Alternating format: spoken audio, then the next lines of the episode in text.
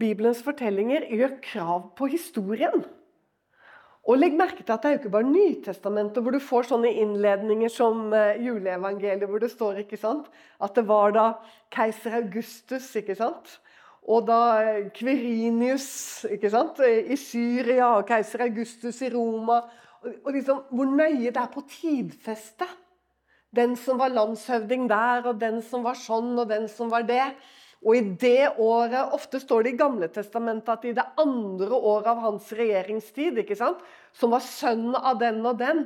Og det er det som er så interessant med den kristne tro, og som skiller den fra all annen religion. Det er at den gjør krav på historien. Helt nøyaktig. Og du vet at eh, Jeg vet ikke om noen annen religion som gjør det. Ikke. Altså om det skulle være buddhisme, hinduisme, uh, islam Det er liksom, det kunne egentlig ramlet ned når som helst i historien. Skjønner du? Og bare liksom bong!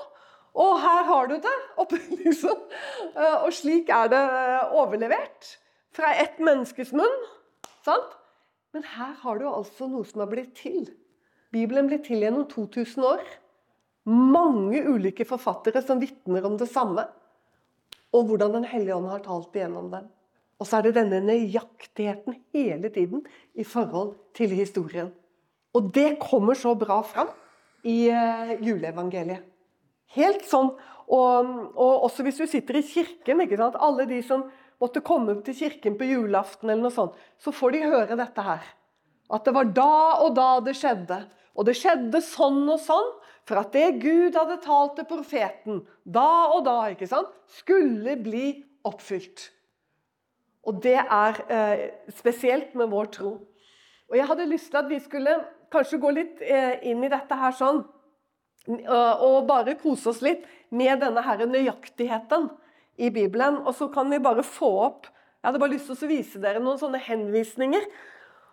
Og da bare begynne med eh, Jesus og hvordan han snakker om Skriften.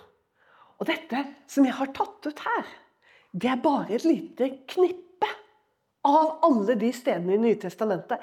Jeg mener faktisk, jeg er ikke helt sikker nå om dette tallet er helt rett. Så du må ta det litt sånn med litt salt til, for å si det sånn. 48 ganger at det står Skriften i Det nye testamentet. Og vi vet jo det, at uh, når det står Skriften, så fantes det jo ikke noe Nytestamentet. Det var jo bare Det gamle testamentet. Eh, bare klikk i vei til du kommer helt ned og får alt der. Får alt sammen opp. Se her. Eh, oi sann. eh, bare se noe av dette her som Jesus sa. Den beste er jo den der, syns jeg. da. Den syns jeg er helt fantastisk. Og Skriften kan ikke gjøres ugyldig. Hæ? Bare grunn litt på den. Skriften kan ikke gjøres ugyldig. Og så Hvis dere ikke tror hans skrifter Det er Moses Jesus mener. Hvis dere ikke tror hans skrifter, hvordan kan dere da tro mine ord?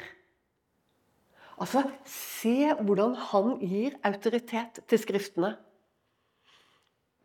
Dere farer vill fordi dere ikke kjenner Skriftene. Hvorledes skulle da Skriften oppfylles, de som sier at dette må skje? Og dette er jo i Getsemane at Jesus sier dette. Og nå bare rett etter det, neste setning, det er Og så rømte alle disiplene. For alle veier. Det var det beste som skjedde. Men han sier det. Dette må skje. Hele hans liv, fra fødsel til grav, var Han bare gikk fullstendig efter Skriftene. Han var Skriften. Han levde Skriften. Han henviste til Skriften. Han talte ut ifra Skriften. Han talte om Skriften. Han er Skriften. Og det er så uhyggelig på en måte at vi lever i en tid som fjerner, endrer, går utenom, går på kompromiss med det skrevne. Fordi Jesus han henviser hele veien til Skriftens autoritet. I dag er dette Skriftens ord oppfylt for deres ører. Og han begynte fra Moses og fra alle profetene og utla for dem i alle skriftene det som var skrevet om ham. Hæ? Og så Da opplot han deres forstand, så de kunne forstå Skriftene. Det er det, liksom. Hva? Jeg tenker når jeg ble født på ny, hadde prøvd å lese i Bibelen før jeg var frelst. Det var helt uforståelig og så tørt og så kjedelig. Jeg skjønner ikke at noen kunne lese i den boka i det hele tatt. Men så ble jeg frelst. Og så kunne jeg ikke slutte å lese i Bibelen. Jeg leste i Bibelen overalt. liksom På bussen, på badet, i stuen, på kjøkkenet. Hver ledige stund eh, så leste jeg i Skriften.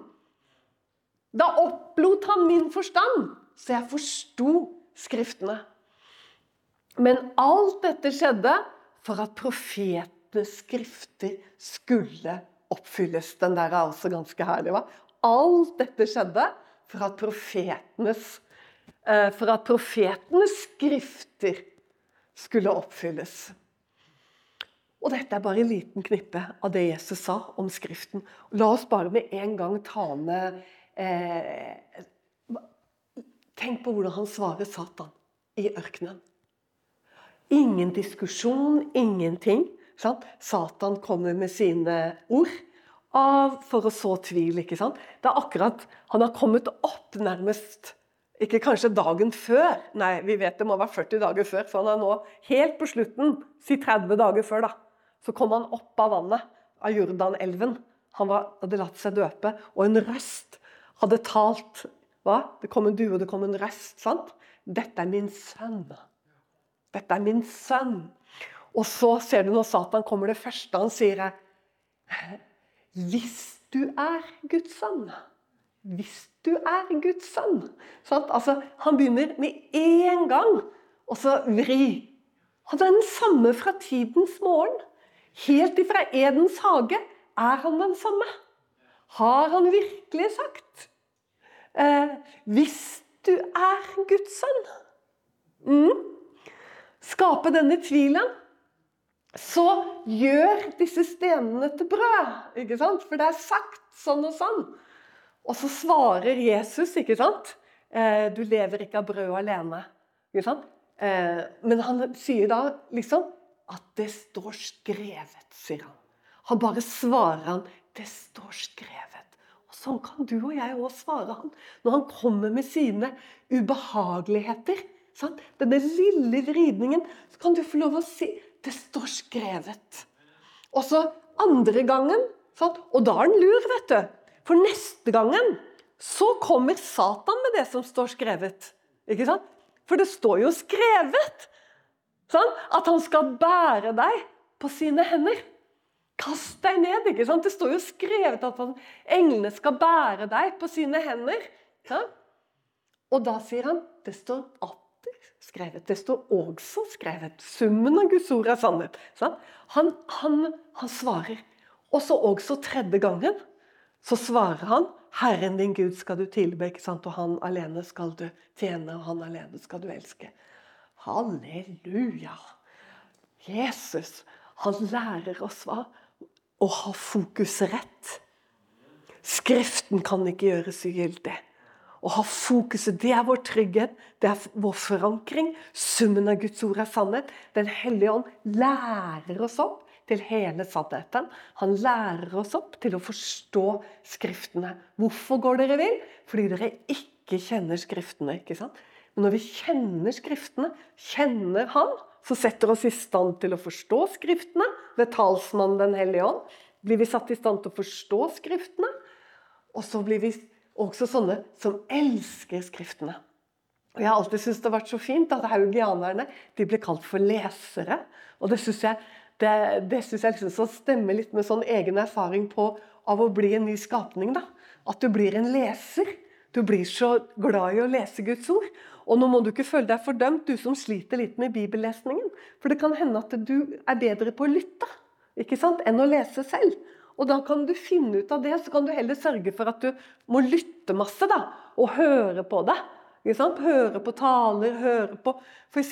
sette det på hele Markus evangeliet eller hele Lukas, som kan bli lest for deg. At du gjør det hver kveld. At du ligger i sengen din før du sovner, eller om morgenen før du står, og så lytter du til Guds ord.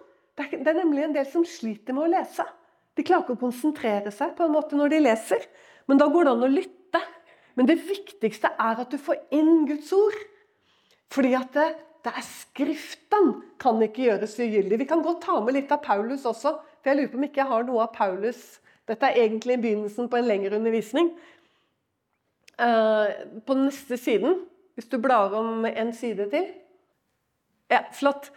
Uh, det, altså Johannes evangeliet. Og de trodde Skriften og det ord som Jesus hadde sagt.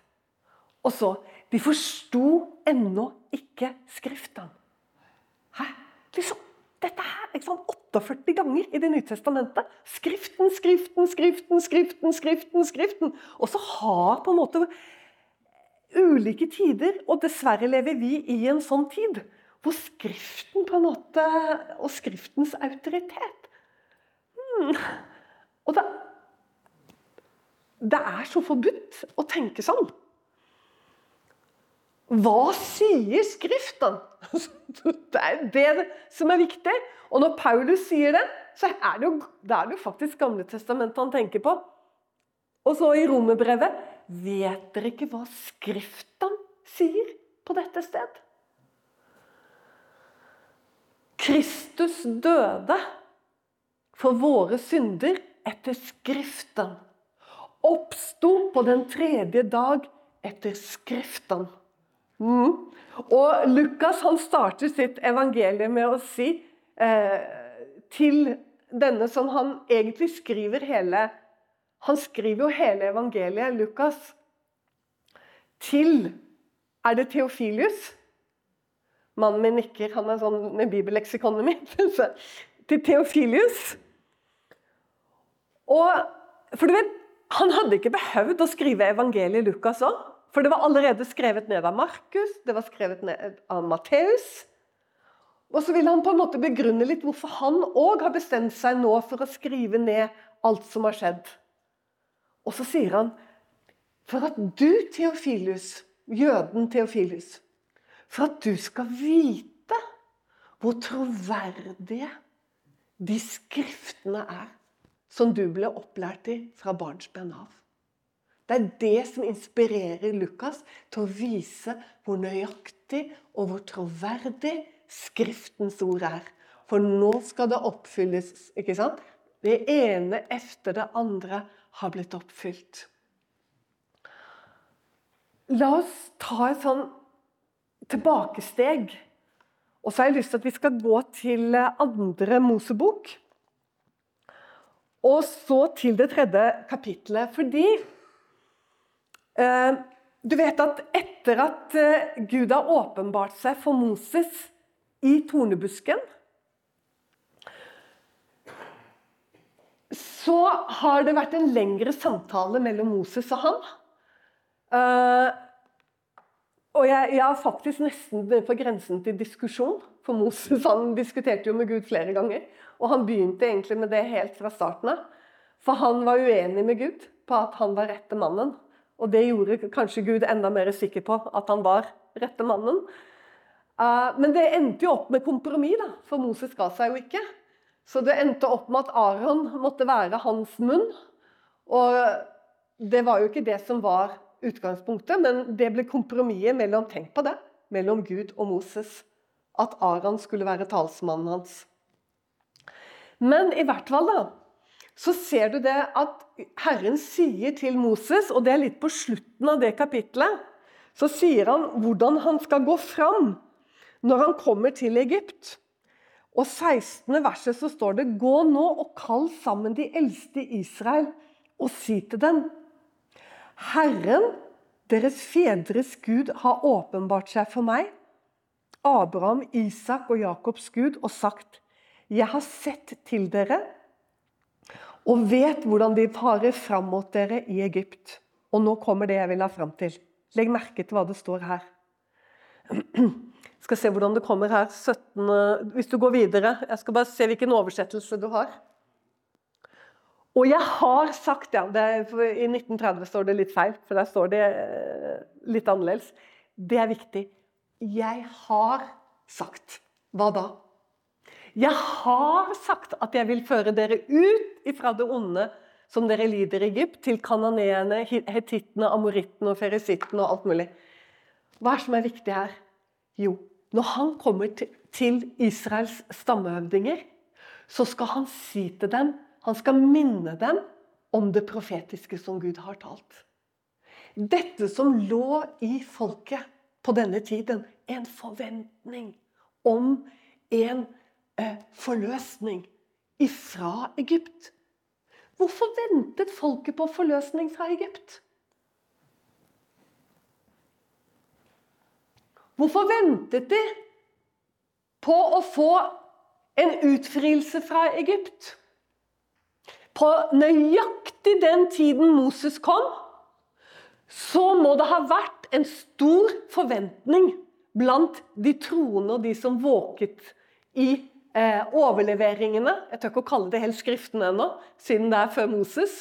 Men det er klart, de hadde de muntlige overleveringene. De hadde overleveringene så lå forventningen der. Det må den ha gjort. Hvorfor det? Fordi Gud sa det til Abraham hva som skulle skje. Det, han sa det til Abraham for at de skulle tro når det skulle skje. Jesus sa jo 'Nå har jeg sagt dere det før det skjer', for at dere skal tro når det skjer. Og det samme nå. Han hadde sagt det før det skjedde til Abraham 500 år før at folket skulle ende i slaveri hos et annet folk. Og ikke bare at de skulle ende i slaveri, men hvor lenge de skulle være der. Og Det er derfor jeg sier at det må ha vært forventning på den tiden da Moses kom. Fordi de skulle være under slaveri i 400 år. Og det kan du telle deg ned. Ikke sant? Så det var en forventning om at det skulle skje noe. Så når Moses kom tilbake, da hadde han vært borte fra dem. Hvor lenge da? I 40 år. Så når Moses første gangen prøvde å redde dem, når han var prins i Egypt Gjett om ikke alle tenkte at her har vi redningsmannen vår. Gjett om ikke de trodde det. Ikke sant? At han, vår egen, vår egen hebreer, israelitt, han har nå kommet i posisjon som prins av Egypt. Og de visste at de skulle frelses fra Egypt. Tenk hvor nærliggende det var å tenke. Der er han! Nå har han kommet i posisjon. For sånn er jo vi. Vi tenker jo sånn noen ganger at Å, tenk om han ble født på ny. Tenk om han ble en kristen. Eller hun ble en kristen. Hun som sitter der liksom og har et navn og har et rykte, eller, har, eller er så rik og anerkjent. Tenk om den personen ble kristen. Ja, da Da var det Da kom det til å skje ting, da. Det er så menneskelig å tenke sånn. Men det er akkurat det det er. Det er menneskelig, det er ikke gudelig, for å si det sånn. For Gud han har alltid tatt det som er håpløst. Uh, han tar ikke nødvendigvis et menneske som er håpløst, men en situasjon som er håpløs. Det er der han alltid begynner, i det håpløse. Så Moses, når han prøvde å ordne dette i egen kraft Ja, men Eva, hvordan vet du alt dette? Jo, fordi det står i Det nye testamentet at Moses faktisk trodde det, at han skulle være det. Og de hadde forventningen til ham. At han skulle frelse dem. I den posisjonen. Men han var 40 år før tiden. Det hadde bare gått 360 år. Det kunne, nei, men så nøyaktig, skjønner du, er Bibelen. Det, det, kan, det kan ikke skje 40 år før tiden når Gud har sagt 400 år så er det nøyaktig 400 år. Sånn er Gud. Legg merke til i Esras bok med kong Kyros. Ikke sant? Det første år av hans regjeringstid fikk han slike tanker i sitt hode om at jødene skulle igjen fra Babylon. Da er vi ganske mange århundrer etter dette, etter Egypt. Da skulle igjen fra Babylon. Og så står det Hvorfor fikk kong Kyros de tankene? Hvorfor fikk han sånne tanker? Jo, for at det ord han hadde talt til profeten Jeremia, skulle oppfylles. Hvilket ord? At det skulle gå 70 år i Babylon. Så det andre året av kong Kyros regjeringstid, da var de 70 årene oppfylt. Og det kan du regne deg til også, vet du. Det er jo det som er så morsomt. For sånn er det. Kong Kyros er jo selvfølgelig en konge som du kan lese om i leksikon. For alt i Bibelen er historisk, og alt i Bibelen er nøyaktig. Helt utrolig. Så når eh, Gud åpenbarte seg i tornebusken, da begynte det å brenne også under føttene på Gud, for nå hastet det. Nå måtte han ha Moses tilbake, for nå hadde det gått 400 år. Og det er det han ber Moses om å gå og si til stammehøvdingene. Ikke sant? Du må si til stammehøvdingene at 'jeg har jo sagt' Nå er det borte. 'Jeg har jo sagt' at jeg skal fri dere ut. Jeg har jo sagt at det skulle gå 400 år. Fantastisk. Og når tiden er slagen, så skjer det akkurat sånn som det skulle skje. Og vi kan jo, vi kan jo hoppe til Babylon, da, bare for å ta med litt mer. Det eh, Jesus sa.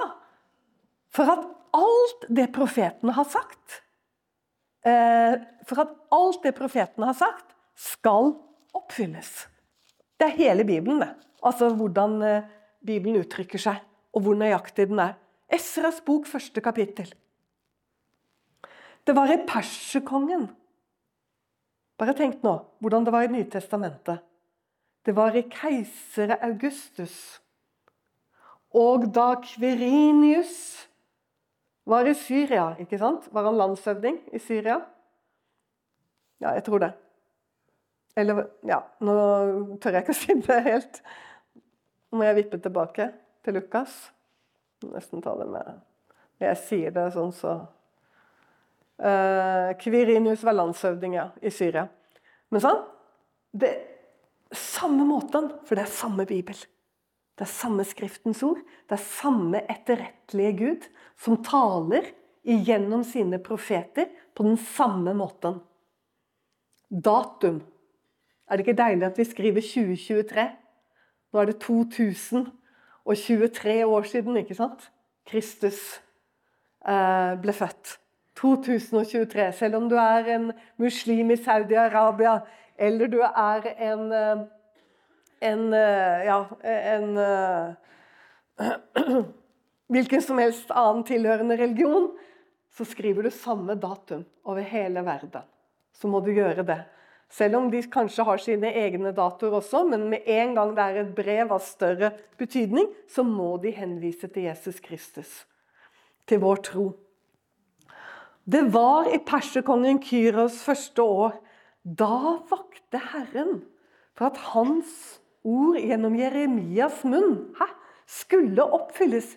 Slike tanker i perserkongen Kyros ånd.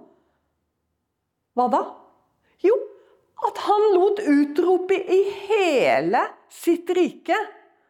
Og dessuten kunngjøre med en skrivelse så sier Kyros, kongen i Persia, Herren himmelens Gud, har gitt meg alle jordens riker, og han har pålagt meg å bygge ham et hus i Jerusalem.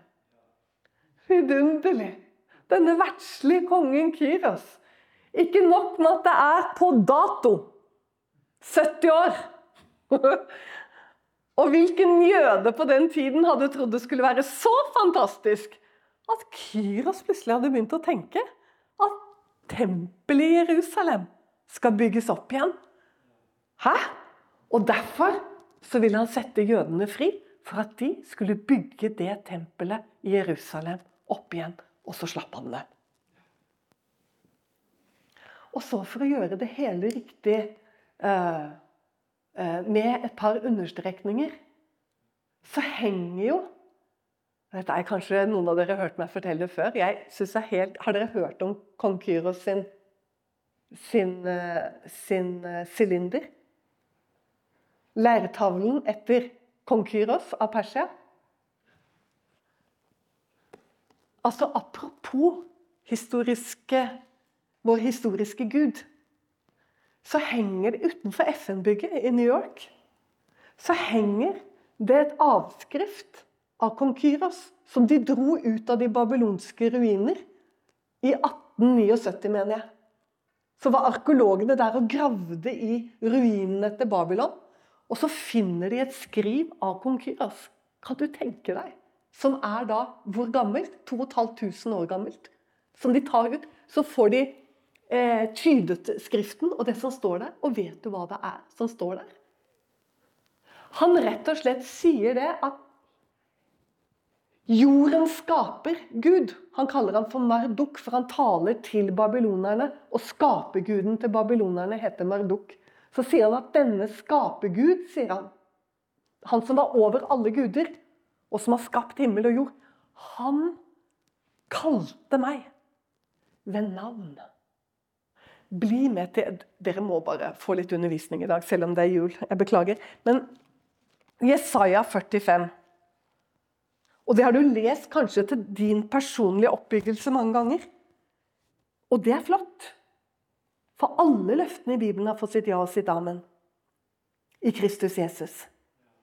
Men det er skrevet inn i en historisk sammenheng, og det er kong Kyros. Kong Kyros er kjempeviktig.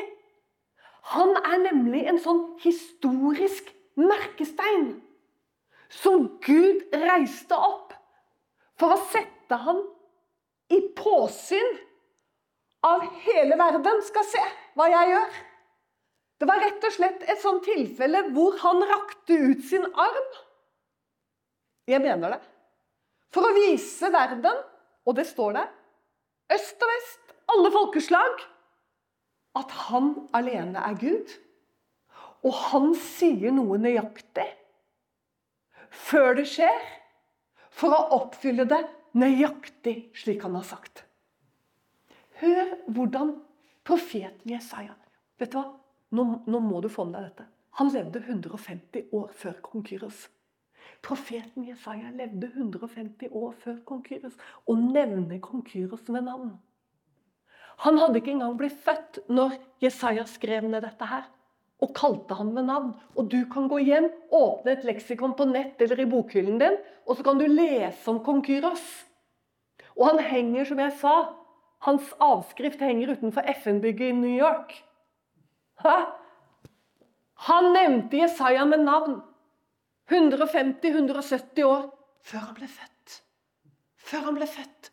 Og vet du, når de dro denne leirtavlen opp av de babylonske ruiner, så burde det jo blitt det burde jo blitt eh, jeg holdt, ikke, jeg holdt på å si skandale. Men jeg mener sensasjon. Verdenssensasjon. Nei. Da kom de tyske teologene. De liberale tyske Liberalteologien kommer fra Tyskland. Og den begynte på denne tiden, på slutten av 1800-tallet. Tyske teologer. Da, da reiste de seg. Og vet du hva de da For første gang, så langt jeg vet, for første gang så langt jeg vet, så var det snakk om at å nei, det er ikke bare én profeten Jesaja. Det er flere profeter Jesaja. Og han profeten som har skrevet fra kapittel 40 til 66 ja, Det var elevene til profeten Jesaja. Og de er bare puttet inn under profeten Jesaja. Vet du, Fordi at det var Skjønner du? Dette, de er jo ikke bare vantro, men de er jo nesten Guds fornektere. Forstår du? når dette kunne bli en verdenssensasjon. Bibelens nøyaktighet. Hvordan profetene nevnte mennesker med navn. Også kong Josia. Det som kong Josia i julen. Kong Josia. Han ble, han ble nevnt ved navn 250 år før han ble født. Det er ikke uvanlig i Bibelen. Hæ? Da sier de at det er flere profeten Jesaja. Dette er elevene som har skrevet fra og med kapittel 40. Og da har jeg tenkt, hvorfor tar dere ikke og sier fra og med kapittel 39? For i kapittel 39 så forutsier, forutsier profeten Jesaja at babylonerne kommer og oversvømmer hele Jerusalem og ødelegger byen og fører folk i fangenskap til Babylon. Skjønner Du Du må jo ta med kapittel 39 også, da. For da forutså han jo det babylonske Skjønner du? At hele, hele Jerusalem og hele Israel forsvant i fangenskap i Babylon. For Jesaja han levde 150 år før det også, ikke sant? Det, det, er, det er så ubegripelig. Og de blir stilt på skam. Og det, og det, er faktisk sånn at Hvis du går opp til eksamen i teologi i dag, og du, og du sitter på muntlig eksamen, og de sier til deg Og så tar de deg til Jesaja 53, for det er jo det mest kjente. ikke sant? Der hvor det står 'Han ble såret for våre misgjerninger', knust. ikke sant? Det er ikke, det er ikke lenger Jesaja som skrev det. Hvis du svarer til sensoren, og han sier 'Hvem er det som har skrevet det?' Og du sier profeten Jesaja. Vel, da ikke bare mister du laud, som det het i gamle dager, du stryker kanskje. Det er så alvorlig å si at det er profeten Jesaja som har skrevet det. Vet du hva? Det er, en gigantisk løgn som kom fra og med de dro opp her, denne tavlen av kong Kyros i de babylonske ruinene. For det ble Bibelen livsfarlig. Det blir livsfarlig. For hva er det som sto på den? Nå skal du følge med. Jesaja 45. Hva er det som sto på den eh, skriften til kong Kyros? Hva sto det der? Jo, hør, lytt. Jesaja 45. Så sier Herren til sin salvede til Kyros, som jeg holder i hans høyre hånd, for å kaste hedningefolk ned for ham og løse beltet fra kongens lender. For å åpne dører for ham og for at ingen porter skal holde stengt. Hør, hør. Jeg vil gå foran deg, og bakker vil jeg jevne. Dører av kobber vil jeg sprenge, og bommer av jern vil jeg sønderrugge. Og jeg vil gi deg skatter som er skjult i mørket, og rikdommer som er gjemt på hemmelige steder. Hør nå. Så du skal vite at jeg er Herren som kalte deg ved navn. Israels Gud. For Jakob min tjener og for Israel min utvalgte skyld, hør nå, kalte jeg deg ved navn, ga jeg deg hedersnavn, enda du ikke kjente meg. Altså, han kalte han med navnet Kyras. 150-170 et eller annet sted der, før han ble født. Og så står det Hvorfor så sier jeg Hvorfor gjorde du det da, Gud? Les vers 6. For at de både i øst og i vest skal vite at det er ingen foruten meg. Jeg er Herren, og det er ingen annen. Er det ikke fantastisk? Altså, han kaller han med hans personlige navn. Og så sier han 'jeg skal gå foran deg'. Dører av kobber og bommer av jern skal jeg sprenge. Alle portene inn i det babylonske byriket var av kobber og jern. De var kjent for disse dørene, disse portene. Det var 25 av dem. Husk at det babylonske byriket var enormt, og det var uinntagelig. Det hadde åtte åtte meter høye murer, og ikke bare én, men flere murer utenpå hverandre. Bommene inn dit var umulig, og de var av kobber og de var av jern. Gud sier 'jeg går foran deg', og jeg slår dører av kobber, bommer av jern, opp. Ikke sant? Og dette står det.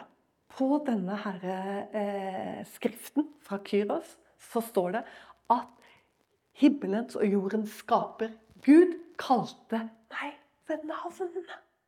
For at jeg skulle gå til Babylon og sette folkene i frihet. Og så beskriver han hvordan soldatene Og han gikk mot Babylon. Og så kommer det store at dørene, portene inn i Babylon, sto slått åpne for han. Så han kunne gå rett inn. Han spaserte med hele hæren sin inn i Babylon og tok over hele det babylonske riket. Dette er den persiske kongen Kyros. Hører jeg et bitte lite halleluja? Det er sånn Bibel du tror på. Det er denne type eksempler. Kan du tenke deg at for første gang i historien så ble det én profeten den, e, den ene profeten Jesaja ble plutselig flere profeter. Altså profeten Jesaja, som har skrevet kapittel 1 til og med kapittel 39. Der var der jeg sa at de selvfølgelig gjorde en stor brøler. De burde jo da flytte seg et par kapitler tilbake, fordi at der kommer det jo en kjempeåpenbaring om Babylon ikke sant? i kapittel 39, 38 og 39. Men de satte den der da, for de var livredd fra 40 og utover. For der kommer alle disse kapitlene fra 40 til 50, hvor Gud taler hvordan han, hvordan han eh, på forhånd sier hva han skal gjøre, og så oppfyller han det helt nøyaktig. Amen. Så Kyros, det er, eh, det er, noe vi ofte bare leser uh, uten helt å forstå hva vi leser. Og vi leser det kanskje mest til personlig oppbyggelse, at han skal åpne, gå foran oss. Og amen. Og han kan åpne også, i hvert fall symbolsk, dører av kobber og bommer av jern for oss også. Og har gjort det. Men det er jo i symbolikk, ikke sant? Men dette er jo konkret. Bibelen er jo veldig konkret. Det er bokstavelig og konkret. Jeg husker det var en som sa til meg en gang Men Eva, du tror vel ikke på Bibelen bokstavelig? Så sa jeg jo det gjør jeg. Så absolutt. Jeg tror på Bibelen helt bokstavelig der hvor den krever å bli forstått bokstavelig. Men der hvor den taler i bilder, der tror jeg selvfølgelig ikke at det skal tolkes bokstavelig. Det er jo to forskjellige ting. Og så må vi huske at summen av Guds ord er sannhet. Derfor må vi kjenne Skriftene. Så dette er en sånn, ifølge meg et av disse vidunderlige stedene. Jossia kan du lese i julen. Det er jo et annet eh, eh, nydelig eksempel på hvordan profeten eh, En profet Det står faktisk ikke hva han het. Det er veldig unntaksvis i Bibelen. Det står bare at han var en Guds mann, og han talte om Jossia. Og det kan du lese om selv i kongebøkene. Så kan du lese om det. At han blir forutsagt med navn 250 år før kong Josia kom. Og det ble forutsagt hva han skulle gjøre, står det også. Så denne boka Bibelen, det finnes ikke noe som er mer spennende enn den. Men tilbake dere til julen og til advent, der hvor vi begynte. Og jeg vil avslutte, eller gå mot avslutning der. Fordi eh, fra gammelt av så vet vi at man har feiret eh, adventstida. Og som vi fortsatt er inne i. Og det er en eldgammel tradisjon. Det går uendelig Vet du hvor langt tilbake det går? Man, og hva det begynte med? Det går helt tilbake til 500-tallet. Eh, så begynte man. Eh, noen hva skal du si, skikkelig troende født på nykristne på den tida som, eh, som eh, talte om innvielse og overgivelse til Gud, og faste. Og, sånn at advent begynte med faste. Men hva var det egentlig som var fokuset i advent? Det var ikke egentlig det lille barnet i salen. Det var at han kommer igjen. Så ble det slik at man bestemte at man måtte ha en fastetid opp imot dette. Men veldig denne høytiden hvor man skulle feire hans fødsel. Men den, bare i løpet av 100 år så var det egentlig blitt den høytid hvor man forkynte og var opptatt av hans andre komme. Det er derfor, hvis du går i kirken og hører søndagstekstene Har du gjort det? I kirken under advent. Da kan du bli veldig forundret hvilke tekster, hvilke søndagstekster de har i kirken. For det er så alvorlige tekster. Fordi det handler om at Herren kommer. Om å være rede, om å være klar. Og de tekstene som ikke sant, forkynner om Hans andre komme, det er det som er adventstekstene i Den norske kirke. Og det har jo røtter helt tilbake.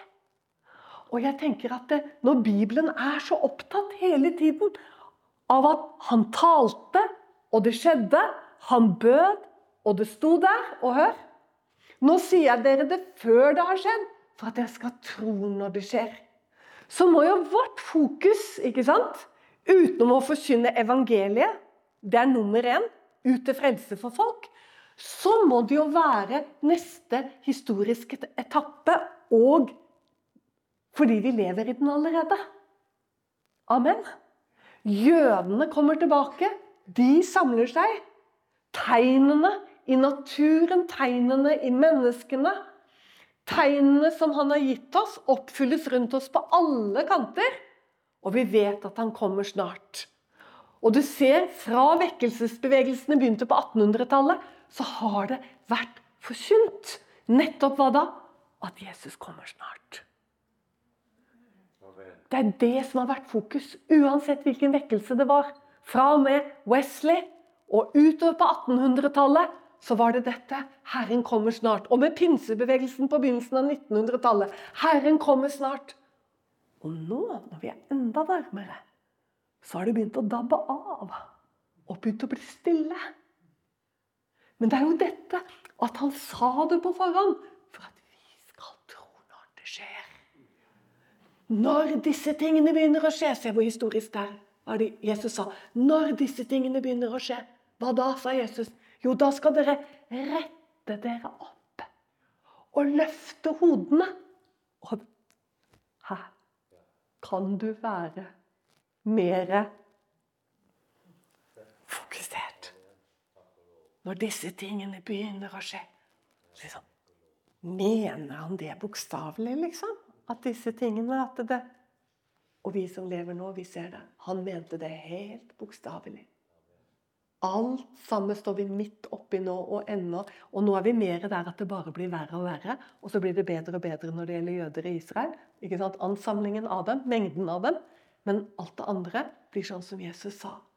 Og evangeliet har snart vært forkynt ut til alle folkeslag. Det er bare snakk om få år igjen.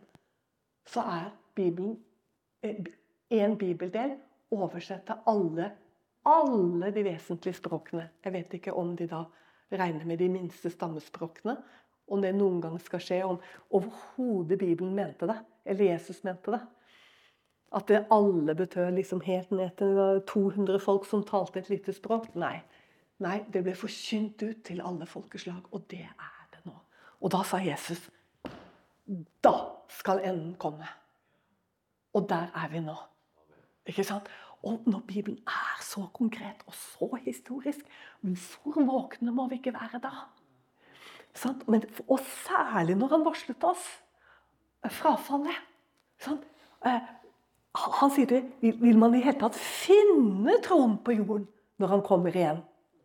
Og Jeg tror kanskje ikke det er i betydningen før han tar bruden hjem. Men vi skjønner jo hvilken bevegelse som er på gang i verden det er jo frafall og vantro. Alt så nøyaktig! Helt utrolig! Han sa jo til og med Jerusalem skal ligge nedtrådt av hedninger inntil hedningenes tid er til ende. Hæ? Det har jo virkelig ligget nedtrådt av hedninger. Hva? I 1900 eh, år. Virkelig nedtrådt av hedninger. Sånn? Har bare ligget under ulike sånne her hedenske dynastier og store verdensriker. Som en liten sånn nedtrådt del av Juda og Samaria, liksom. Med Jerusalem. Så nøyaktig. Så sier han Men det er bare inntil. Det er bare inntil. Hedningenes tid er til ende. Og det timeglasset der, det har Jesus det er snudd på hodet. Og jeg ser det som en sånn sand som renner. Og nå lever jeg i en sånn tid sant? hvor sanden ikke vet jeg. For at man eh, hæ, Det må bare være noen Hvor mye er det igjen inni der? Og så, bare for å avslutte med, da Peter profeterte om spotten som ville komme i de siste dager. Hæ? Han tok det helt på kornet. Han sa det i de siste dagene. så kommer det spottere. Og hva er det de spotter om? Jeg må si han drøyer, han der Jesus. Hæ? Og så ler de. Hvor blir det av han da? Les Peter. Les Peters brev. Står der. Jeg mener det er andre Peters brev, tredje kapittel. Eller andre kapittel. Jeg tør ikke å si det helt eh, på stående fot, men du finner det. Hæ? Det kommer spottere. Hvor blir det av han? Han dere har hatt alt om. Og de aner ikke hvilken Gud vi har. Den som snakker sånn. Han talte, og det skjedde. Han bød, og det sto der. Så har han holdt på ifra tidens morgen. Det kommer til å gå i oppfyllelse nøyaktig slik han har sagt. Men det tragiske er, som Jesus profeterte, også så klart Det blir som på Noas tid. De gir til ekte, tar til ekte. De eter og drikker, de bygger og spiser. Og visste ikke av det. Forstår du? Fordi de ikke kjente denne Gud. Og derfor må vi forkynne evangeliet. De kjente ikke denne Gud som er, som Erlend ba så herlig i møtet, som er. Han er den som er historien. Han er den som virkelig er. Hva? Halleluja, for en Gud vi har. Han kommer, du. Han har oppfylt det så til punkt og prikke. Han som sa 'ikke en tøddel'. Ikke den minste bokstav skal få gå av profetene og loven, det er de fem Mosebøkene. Det er mange som sier tror dette handler liksom om loven, loven. Nei.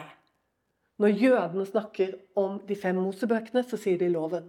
Så alt som står i Mosebøkene, det er loven. Forstår du? Han sa alt som er skrevet i loven, fem Mosebøkene, og profetene, sier Jesus. Ikke en tøddel, ikke den minste bokstav skal få gå av dette. Jeg måtte gjøre litt sånn. Før Hør nå. Alt sammen er oppfylt. Fantastisk. Minste bokstav. Altså, Hebraiske alfabet har jo disse små tødlene ikke sant? for å vise vokaler og sånne ting. Og så har de også en, en, en liten bokstav som er så liten at han bare liksom henger med oppunder, oppe i lufta. Det er de to han snakker om. Det er det det står på gresk. Navnet på disse to tingene. Og det er jo sånn noen ganger for å se dem. Altså, Det er ikke, ikke, en, ikke en sånn liten del. Ingenting. Det er jo det han vil understreke. Skal få gå av det som har blitt sagt. Av det som har blitt sagt. Før alt samme skjer. For en Gud vi har, kjære venner. Nå skal vi få lov å gå inn i jula og få lov å feire en historisk realitet som skjedde i disse dager i Betlehem. På den og den tid, når keiser Augustus var der, og Kverinius var i Syria. Og alt kan du lese om i leksikon. Da kom vår frelser etter Skriftene. Og han kom ikke hvor som helst. Han kom til Betlehem, ble han født. Efter Skriftene. Og han ble født av en jomfru etter Skriftene. Og han ble født av Davids ett etter Skriftene. Som kom av Judas stamme etter Skriftene. Vidunderlig. Han vokste opp i Nasaret etter Skriftene. Da skjønner du hvorfor de siste 50 årene har vært en tid hvor man vil så tvil om Bibelens autoritet og troverdighet. Det er nettopp fordi den er så troverdig og så nøyaktig at enhver hedning som vil studere den oppriktig, skal finne at det stemmer nøyaktig slik det har blitt overlevert. Amen. Herre Jesus Kristus, vi takker deg fra dypet av vårt hjerte for at du er en så stor Gud og fantastisk Gud. Og du frelste lille meg og lille deg. Efter Skriftene. Fordi behaget det deg, Gud. At du skulle ikke bare være for å samle Israels tolv stammer. Nei, du skulle være et lys. Like til jordens ender.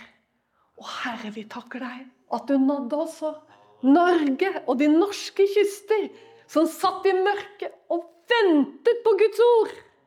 Og så kom Kvitekrist og evangeliet om Han som betalte prisen for oss alle. For at vi ikke skal dø i våre synder, men du har gitt oss evig liv. Herre Jesus, la oss være riktig frimodige denne julen. At vi kan fortelle og være stolte av Bibelen, men aller mest av deg, Jesus. Amen i Jesu navn.